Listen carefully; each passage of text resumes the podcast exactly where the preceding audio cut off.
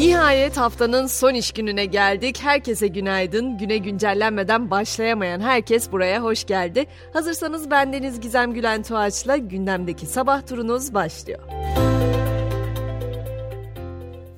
Başta kendi anne babam olmak üzere 15 milyon emekliyi ilgilendiren haberle başlamak istiyorum. Memurlara verilecek 8077 liralık seyyanen zam emeklilere uygulanmamıştı. Onlar da haliyle günlerdir maaşlarına iyileştirme olacak mı olmayacak mı tedirginliğiyle yaşıyordu. İyi haber bir iyileştirme yapılacak olması. Cumhurbaşkanı emekli maaşlarında yapılacak iyileştirme için bakanlara talimat verdiğini açıkladı. Ancak henüz bu iyileştirmenin ne kadar olacağını ne yazık ki bilmiyoruz. Emekliler zam bekliyor ama memur zammı da bir yandan protesto ediliyor. Sağlık çalışanları bugün memur maaşı zammını protesto etmek amacıyla bir günlük iş bırakma eylemi yapacak. Tabi artık hiçbir şey eskisi gibi değil. Orhan Veli bir şiirinde bedava yaşıyoruz bedava. Peynir ekmek değil ama acı su bedava derdi. Devir değişti. Zam yağmurları altında adeta şemsiyesiz gezer hale geldik. Döviz kurunda yaşanan dalgalanma, lojistik gider ve artan maliyetler pet şişe sularına da zam olarak yansıdı.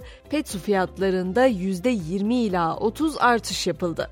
Fiyatların mercek altına alındığı bir diğer konuysa ikinci el araç satışları demiştim. Dün ikinci el araç fiyatları sıfır fiyatları geçemez yasağı başlamıştı ama düzenleme sonrası ilanlardan bir anda sıfırlar atılmaya başladı.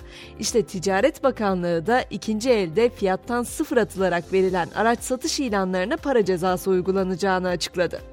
Sahi Rusya-Ukrayna savaşı sürüyor mu ne oldu diye soran arkadaşlarım vardı geçen gün. Artık savaşın sürmesinden ziyade bitmesi haber olur diye düşünüyorum. Çünkü savaş konusunda çözümcül bir yaklaşım henüz yok. Ama şöyle bir gelişme var. Ukrayna lideri Zelenski bugün Türkiye'ye geliyor. İstanbul'da Cumhurbaşkanı Erdoğan'la bir araya gelecek. Gündemde de aslında hepimizi ilgilendiren ve 17 Temmuz'da süresi dolacak olan Tahıl Koridoru Anlaşması var. Hepimizi ilgilendiren bir diğer konu da artan sıcaklıklar yani küresel ısınma.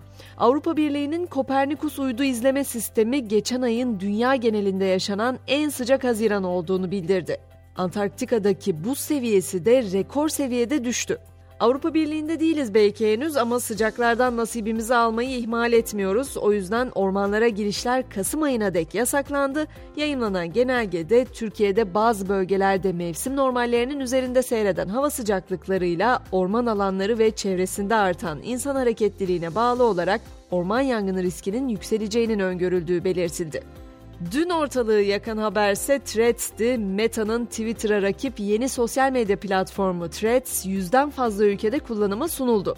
Uygulamaya ilk gününde 30 milyonun üzerinde kullanıcı kaydoldu. Tabi bu durum Elon Musk'ı küplere bindirdi gibi Twitter'ın avukatı Spiro Meta'yı Twitter'ın gizli bilgilere erişimi olan eski çalışanlarını işe alarak platformun bir kopyasını yapmakla suçladı ve Meta'yı dava açmakla tehdit etti.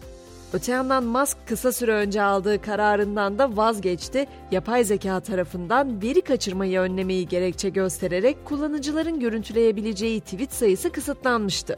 Ardından etkileşimlerde düşüş yaşayan platform geri adım attı ve bu uygulamayı sonlandırdı.